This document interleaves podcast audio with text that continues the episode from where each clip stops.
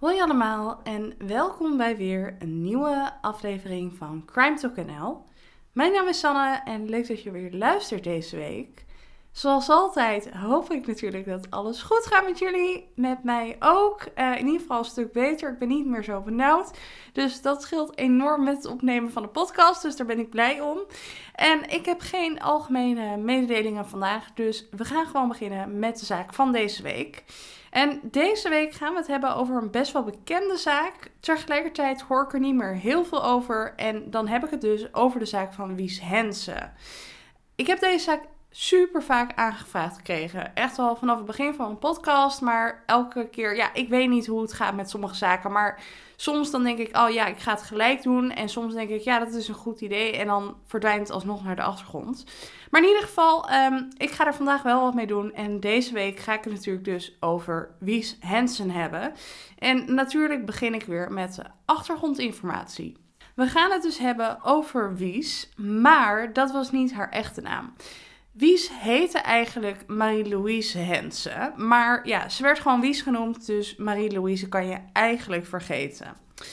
Um, Wies was in 1989, toen zich het allemaal afspeelde, een vrouw van 32 jaar oud. En ze woonde in het plaatsje Budel. En voor de mensen die net als ik niet wisten waar dat ligt, um, dat ligt in Noord-Brabant. Um, Wies had geen partner en ze woonde dan ook in haar eentje in haar huis. Dat was een eensgezinswoning en nou, verder prima. Um, ze woonde er overigens niet helemaal alleen, want ze had ook een hondje waarmee ze woonde. Um, als werk werkte Wies bij de Paters in Weert. En daar deed ze eigenlijk van alles. Ze kookte, ze maakte schoon, um, hielp met van alles. Uh, ja, waar er handen nodig waren, was Wies er en kon zij op alle gebieden helpen. Een echte allrounder dus. Um, verder was Wies ook echt een familiemens. Ze kwam uit een gezin met drie dochters, waarvan zij er dus één was. En met haar zussen en de kinderen van haar zussen had ze echt een super goede band. Ze verwende de kinderen van haar zussen ook enorm als ze hen zag. En ja, echt niets was te gek. Zolang de kinderen maar blij waren, dan was Wies dat ook. Wies was dus echt gek op de kinderen van haar zussen, maar zelf wilde Wies ook heel graag een kind. Zoals ik net vertelde had ze geen partner, uh, maar toch wilde Wies moeder worden en daarom was Wies begonnen met een traject om in haar eentje zwanger te worden. Um, de eerste poging daarvan was dat jaar ook, in 1989, maar die poging die was mislukt. Dus dat jaar in september ging ze voor een tweede poging met kunstmatige inseminatie. En nou ja, dan zou ze dus proberen om alsnog moeder te worden, om haar wens in vervulling te laten gaan. Want nogmaals, ze wilde het ontzettend graag. Uh, ze wilde zo graag moeder worden. Dus ze keek er ook echt naar uit. Tegelijkertijd zou het haar leven natuurlijk ontzettend veranderen als ze zwanger werd. Dus voordat ze moeder zou gaan worden en voordat het hele traject weer opnieuw begon, wilde Wies nog één keer flink de bloemetjes buiten zetten. En dat ging ze doen op de kermis in Budel. Maar niemand wist op dat moment dat dat het laatste zou zijn wat ze überhaupt ooit zou doen. Want het is dan 29 augustus 1989 en Wies die ging dus naar de kermis ze had zich helemaal opgedolfd en ze leek er ook ontzettend veel zin in te hebben. Ze is ook echt daadwerkelijk gezien op de kermis door meerdere mensen. Maar wat hun ook opviel, was dat Wies in het bijzijn was van twee onbekende mannen. Wies zelf was wel een uh, ja, bekend gezicht in Budel en omstreken. Er waren veel mensen die haar kenden of bijna iedereen kende Wies wel. Maar de mannen waarmee ze was, die werden dus door niemand herkend. Ook niet door mensen die ook bekend waren in Budel. Ja, het was echt zo'n ons kent ons plaatsje. En ja, die twee mannen die waren dus overduidelijk niet van Budel. En ja, niemand wist wie deze mannen waren. Maar ze waren dus wel met Wies op stap en op de kermis. Volgens de getuigen die haar gezien hebben, zouden deze mannen er ook heel erg ruig uit hebben gezien. Um, ze zou met hen in de draaimolen zijn gegaan en een van de twee mannen had blond, krullend haar en zag eruit alsof hij begin 20 was. Wies is dus echt 100% zeker met hen op de kermis geweest, want meerdere mensen hebben haar gezien met die mannen. Maar kort nadat ze de kermis heeft verlaten, moet er iets afschuwelijk zijn gebeurd, want de volgende ochtend wordt Wies gevonden in een greppel in het plaatsje Dommelen. En het was ook heel snel duidelijk dat haar ja, echt iets naars is overkomen, want ze werd ook op een nare manier gevonden. Ze lag ontbloot op haar buik in een opgedroogde sloot aan de Loonderweg. En uit sectie blijkt ook al snel dat Wies door verstikking om het leven is gekomen. Toen Wies gevonden werd, had ze alleen nog haar witte sokken aan en voor de rest was ze dus helemaal naakt. Um, Enkele kledingstukken werden wel bij haar gevonden. Zo lag ze zelf, zeg maar, op haar buik dus, op haar bodywarmer. Haar broek lag in de buurt en een van haar twee laarzen, want ja, een paar heeft natuurlijk twee, dus één daarvan, die werd ook bij haar in de buurt gevonden. De andere laars, de andere van het paar dus, werd gek genoeg niet gevonden. En die leek wel verdwenen te zijn. En de politie sluit ook niet uit dat de dader of daders de schoenen hebben meegenomen. In ieder geval, het was dus duidelijk dat haar iets heel erg was overkomen. En nou ja, dat is natuurlijk ook een understatement. Wies werd dus gevonden en nou ja, al heel erg snel kwam eigenlijk het onderzoek op gang. Het onderzoek op plaats delict en er werden ook allerlei DNA-sporen aangetroffen. Want Um, nou ja, spoiler alert. Um, nee, ja, de zaak is nog steeds niet opgelost op dit moment. Um, maar het goede in deze zaak is dat er wel DNA is afgenomen, dat er DNA is gevonden. En de DNA-sporen werden dus ook al heel snel veiliggesteld. Dus dat is wel fijn. Maar dat is niet het enige wat er gevonden werd, want er werden wel meerdere dingen gevonden op het plaats select. Of nou, nu klinkt het alsof er een hele waslijst is, maar er werden een aantal dingen gevonden, waaronder een aansteker. Misschien een aansteker van Wies, maar het kan natuurlijk ook een aansteker zijn van iemand anders die misschien wel een dader zou kunnen zijn. Op deze aansteker stond Café Lucky, Mieke en Jacques Budel. Natuurlijk is er door de politie navraag gedaan bij dit café. Maar de eigenaren van het café gaven aan dat ze superveel van deze aanstekers hebben weggegeven. Dus het was niet zo dat het één limited edition aansteker was die één speciaal iemand kreeg. Nee, ze hebben dat heel groot ingekocht en heel veel weggegeven. Dus iedereen kon eigenlijk zo'n aansteker hebben. Maar goed, dat die aansteker er was, geeft wel aan dat er op de plaats select iemand is geweest die ook een keer in dat café is geweest. Verder werden er ook nog wat sporen aangetroffen op het plaats select. En als eerste was dat een schoenafdruk van een Adidas schoen. Het is niet zeker of deze schoen van de dader of daders is of van iemand die toevallig ook op het plaats select heeft gelopen. Maar het betekent dus wel dat het wel van de dader kan zijn. Die mogelijkheid is er dus. En verder werden er ook nog bandensporen aangetroffen op de Loonderweg. En het zou dus ook kunnen dat deze bandensporen afkomstig zijn van een bestelbus. En die bestelbus is wel een groot ding in deze zaak. Want er is een getuige die iets opvallends heeft gezien op de avond dat Wies naar de kermis ging. Deze getuige, deze man, liet namelijk de avond voordat Wies gevonden werd zijn hond uit rond een uurtje of twaalf. En hij had zijn hond losgelaten op een veldje naast de weg. En door de bosjes en struiken zag en hoorde hij ineens een ja, wagen, auto, een busje aankomen. Wat opviel was dat de motor heel veel lawaai maakte. En de getuige zag de wagen dus door die struiken en bosjes aankomen. De lichten stonden in eerste instantie aan, maar toen ja, de auto of bestelbus stopte, gingen de lichten uit en kwam er geluid uit de laadbak. Die auto, het busje, hoe je het wil noemen, heeft daar ongeveer twee minuten stilgestaan en daarna is die weggereden. En toen de wagen wegreed, zag de getuige dat de lichten nog steeds uit waren en dat was eigenlijk best wel gek, aangezien het dus donker was.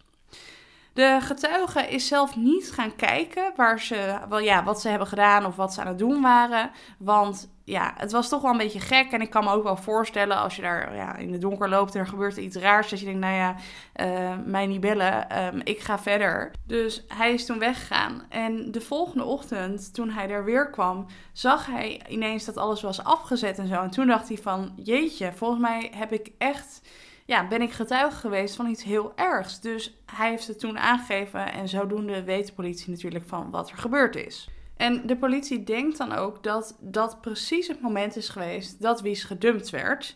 Mogelijk is ze ook vanuit dat busje dus in de greppel gedumpt en is de dader of zijn de daders vervolgens op de vlucht geslagen. En omdat er ja, toch best wel wat aanwijzingen waren, er waren getuigen, er waren sporen op plaatsdelict, dacht iedereen ook dat de zaak eigenlijk heel snel zou zijn opgelost of zou worden opgelost. Maar niets bleek minder waar, want het zou uiteindelijk dus een super lange zaak worden. In de loop van de jaren zijn er meerdere mannen aangehouden waarvan er gedacht werd dat zij de dader konden zijn. Maar telkens bleek het niet zo te zijn en stond de politie weer met lege handen.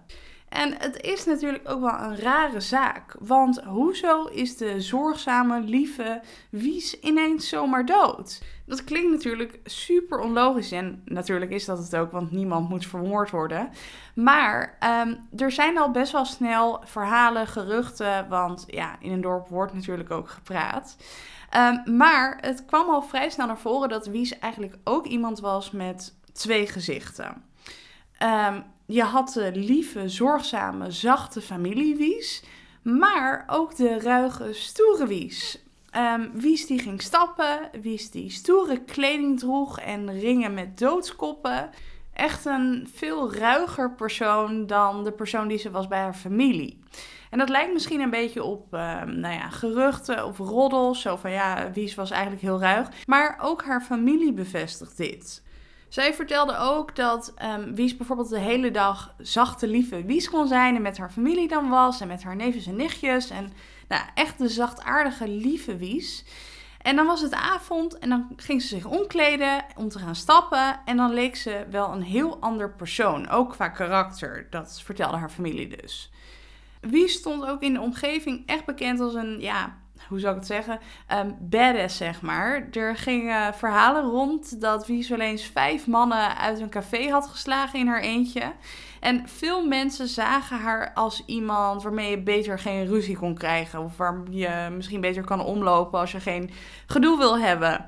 Dus echt wel iemand die ehm, nou ja, indruk maakte en die ook dus een bekend gezicht was als ruig persoon.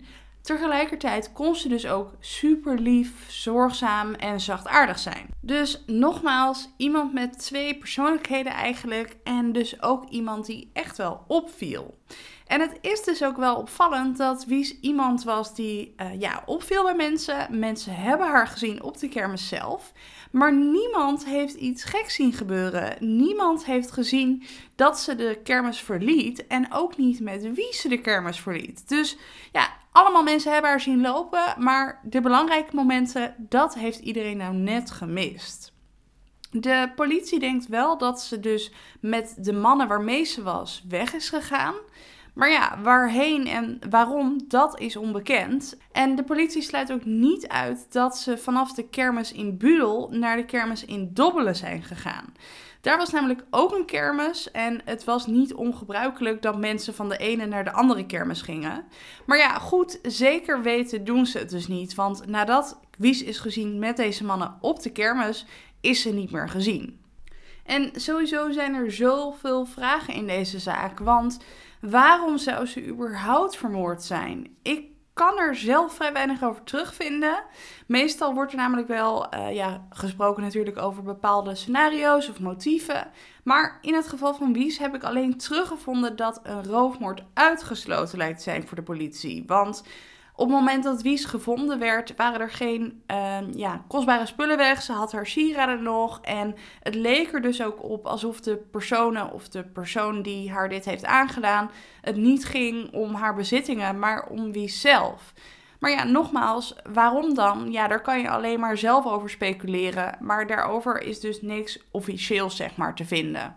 Dus het hoe en waarom is onbekend. Ehm, de dader is natuurlijk ook onbekend, dus niemand kan het ook even zomaar zeggen. Uh, maar toch gebeurt er nog iets in de zaak wat vrij bijzonder is en waarover veel gesproken wordt.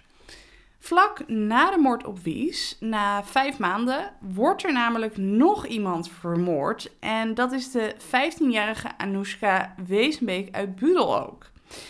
Budel was een ja, heel rustig dorp waar nog nooit iemand voor Wies dan vermoord was. Dus dat er twee vrouwen zo kort na elkaar vermoord werden, dat vonden heel veel mensen wel opvallend. En al snel kwamen er natuurlijk een hele hoop geruchten over de twee moorden. Want veel mensen waren ervan overtuigd dat de twee moorden met elkaar in verband zouden staan. Er is zelfs een verhaal dat er in de zaak van Wies een anonieme brief was gekomen bij de politie. En degene in de brief gaf aan dat een inwoner, een kroegeigenaar, betrokken zou zijn bij de moord op Wies. En wie was nou deze schrijver bleek? Anoushka. Zij zou hem op de computer anoniem met handschoenen hebben geschreven. Maar daarover volgende week meer, want volgende week ga ik het hebben over de zaak van Anoushka. Het bleek ook niet echt te kloppen, maar toch, het was wel heel opvallend natuurlijk dat ze allebei um, eigenlijk hetzelfde lot overkwam. Ze werden allebei vermoord. En ja, dat de verhalen toch wel een soort van ja, door elkaar heen lopen. Het viel mensen in ieder geval op, dus eigenlijk ook wel logisch dat er al vrij snel geruchten en verhalen kwamen. In ieder geval, veel mensen vonden het natuurlijk allemaal maar vreemd. En in de tijd na de moord op Wies werden er uiteindelijk ook drie mannen opgepakt. Waaronder die kroegbaas, zijn zoon en een andere jongen. En ze zijn aan deze mannen gekomen door Anoushka dus. Uiteindelijk bleken ze toch niet betrokken te zijn en zijn ze dus vrijgelaten. Maar nogmaals, dit is dus wel allemaal aan het rollen gekomen. De aanhoudingen die er zijn gedaan in de zaak van Wies zijn wel afkomstig eigenlijk van tips van Anoushka. En nadat deze drie mannen zijn aangehouden, is er nooit meer iemand anders aangehouden in de zaak van Wies. En de politie is nooit echt meer verder ook gekomen in het onderzoek. En uiteindelijk liep het dus ook vast. Um, het was niet dat ze de zaak helemaal uh, hebben gesloten, maar um, ze hebben eigenlijk wel een soort van opgegeven, want er was eigenlijk niets meer echt te onderzoeken. Tot eigenlijk vrij recent, want vrij recent is er eigenlijk weer nieuwe aandacht besteed aan de zaak door het Cold Case Team. Het Cold Case Team is de zaak dus opnieuw gaan onderzoeken en ook het DNA van toen is nu opnieuw onderzocht. Um, en daardoor is er nu een heel goed DNA-profiel. En als iemand aangehouden wordt op dit moment, als er een tip binnenkomt van nou, dit zou, of deze persoon zou het wel eens kunnen zijn, dan kan deze zaak eigenlijk helemaal bepaald worden op het DNA. Eigenlijk is nu alles compleet, alles wat ze nodig hebben om te kijken of de dader de dader is, is er. Alleen mist dus nog de naam van deze onbekende persoon.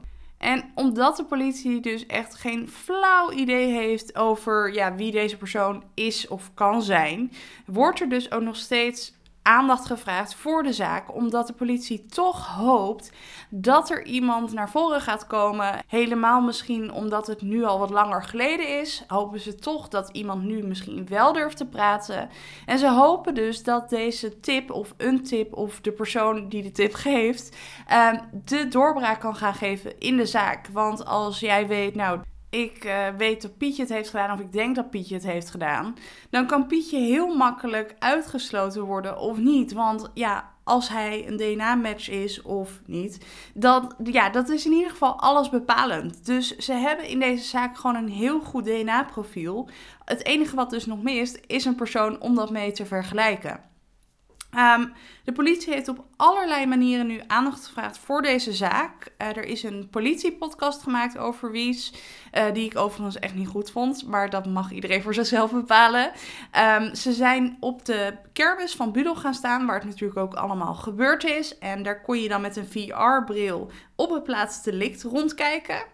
En er is ook een soort YouTube-serie door de politie op YouTube gemaakt. Uh, dat zijn interactieve video's en ze zijn echt super tof in elkaar gezet. Dus dat moet je maar eens gaan bekijken. En daar vertellen ze ook van alles over het onderzoek. Kan je bepaalde dingen zien van, nou ja, plaatsdelict of de spullen die er zijn gevonden. En op die manier betrekken ze het publiek eigenlijk meer bij de zaak dan gebruikelijk is. Dus dat is als geïnteresseerde in misdaad ook ja, best wel gaaf dat je zo mee mag kijken met het onderzoek. En dat er eigenlijk wat meer bekend is over het onderzoek zelf dan nou ja, normaal gesproken gedeeld wordt. Ehm, dus ja, hopen dat dit um, nou ja, wat vooruitgang gaat brengen in de zaak. Uh, de familie wil natuurlijk ook super graag dat de zaak opgelost wordt. Het duurt nu al zo lang, dus het moet gewoon opgelost worden. Zeker omdat dat DNA gewoon zo goed is en de zaak eigenlijk vrij gemakkelijk opgelost kan worden. Maar goed, is makkelijker gezegd dan gedaan natuurlijk, want die persoon moet wel bekend worden. Ehm, in ieder geval, ik ga hopen dat deze zaak toch nog opgelost wordt na al die jaren. En ik weet niet waarom, en dit is ook natuurlijk compleet ongegrond. Maar ergens heb ik hier wel een voorgevoel bij dat het ja, opgelost gaat worden in de komende jaren. Nogmaals, dat is mijn gevoel en mijn gevoel is niet altijd goed. Maar ja, ik weet niet. Het lijkt gewoon zo'n typische zaak die toch nog opgelost gaat worden. Uh, er hoeft maar een heel klein ding getipt te worden en ze kunnen er al zijn. Dus laten we dat met z'n allen in ieder geval hopen. Um, ik hoop in ieder geval dat mijn uh, gevoel het juist zegt. Want deze zaak moet opgelost worden en de dader mag hier niet zomaar mee wegkomen. Dit was dan ook een beetje wat ik jullie kon vertellen over de zaak van Wies Hensen. En zoals ik al net kort aanstipte, het is dus heel opvallend dat Wies en Anoushka allebei uit Budel kwamen en allebei vermoord werden. En die verhalen hebben dus ook een beetje een overlap. En er zijn dus ook allerlei geruchten dat ze met elkaar te maken hebben. Dus daarom ga ik het met jullie volgende week hebben over de zaak van Anoushka Wezenbeek. Uh, als een soort van tweedelige podcastserie. Dat klinkt veel meer dan het is. Maar um, nou ja, dan weten jullie dat in ieder geval vast. Dan ga ik het daar volgende week met jullie over hebben. En daar komt Wies misschien ook nog wel een beetje in terug. In ieder geval volgende week dus eigenlijk deel 2 van de moorden in Budel. Um, nou ja, dat was dus wat ik kon vertellen over de zaak. Voordat jullie gaan, heb ik nog een kijk, luister, leestip voor jullie. En deze week heb ik weer een podcasttip. En dat is de podcast De Zaak X, gemaakt door het AD. En nou, ik ben helemaal verknocht aan deze podcast. Um, wat eigenlijk de podcast inhoudt, is ze spreken over bekende en onbekende, of bekendere en onbekendere zaken met misdaadverslaggevers van het AD. En um, het zijn vrij korte afleveringen, helaas, want ik zou het wel langer willen horen. Maar dat maakt het wel lekker makkelijk om even te luisteren. En in elke aflevering gaat het over een andere zaak. Dus het zijn gewoon spraakmakende zaken. Zaken die ik ook niet kende en waarvan ik echt ja, schrok in de zin van: zo, dat is wel een bizarre zaak. En die worden dus dan kort besproken, kort en bondig. Uh, en dan de volgende aflevering gaat het weer over een hele andere zaak. Ik vond hem echt, ja, ik weet niet, vernieuwend en heel interessant. Dus ik ben er ook heel enthousiast over. Um, het heet dus De Zaak X en is gemaakt door het AD. Dus geef de kans, wie weet ben je net als ik ook heel erg enthousiast over de podcast. Um, nou ja, dan zijn we aangekomen bij het einde van deze podcast. Uh, deze aflevering in ieder geval. Uh, beeldmateriaal zet ik natuurlijk op Instagram, crimetalknl. En dan wil ik jullie voor nu heel erg bedanken voor het luisteren deze week.